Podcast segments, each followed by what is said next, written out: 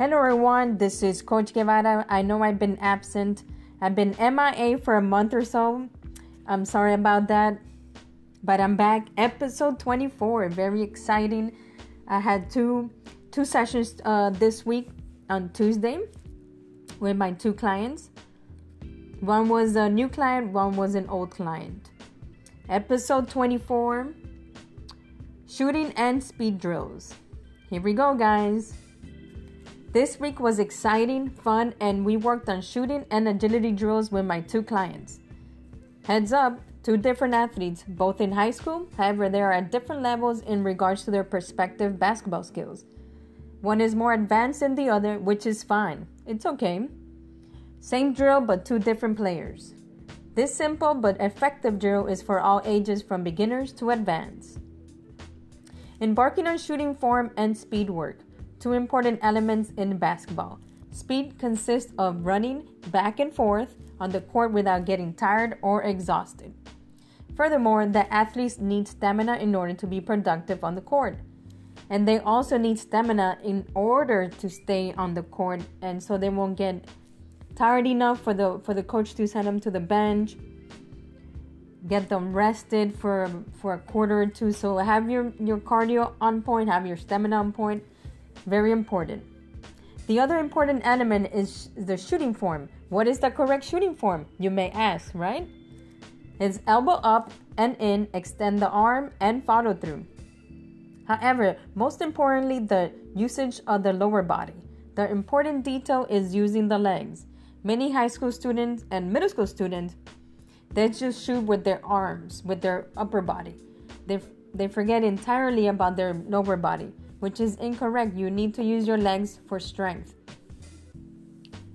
Here we go. The important detail is using your legs. I'm constantly being recursive with my clients in regards to using the legs. As I advise my clients this week, down and up, using the strength of the legs in order to reach the basket. Two great examples to implement shooting with speed at the same time. My two clients work on their shooting and speed work with these drills. One was one is a freshman in high school, one is a sophomore. A drill that only requires six cones, a battle rope, and a basketball. Place six cones on the side of the court, anywhere in the court is sufficient. The athlete will run to the first two cones, going around the cones on their toes to prevent from falling. Friendly tip be on your tippy toes for balance and to increase speed. After the athlete has run the last cone, he or she will go to the next station, which is the battle rope. 10 reps of the battle rope on to the next station, which is making a layup or a jump shot. This all depends on the coach and the athlete, whatever their preference is.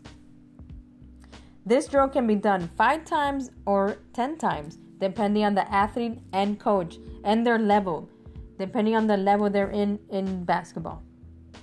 I did this particular drill with my two clients, and we did this drill 10 times to say the least. He was exhausted because of the hot weather. We conducted this session at an outdoor basketball court only because I don't have access to an indoor court, so it, I always do it. I always conduct my sessions at an outdoor basketball court. Repetition is key in order to progress. The most exciting part of the week was the new member joining the program. As the mission statement goes, it's not only a game, we change lives. Another impact in the youth sports community that I will embark on and as a coach is so fulfilling make just making a difference making an impact all right guys enjoy your friday enjoy your weekend talk to your family talk to your friends love everyone have a great, wonderful weekend. See you at the basketball court. This is Coach Guevara, owner of Shiny Soup.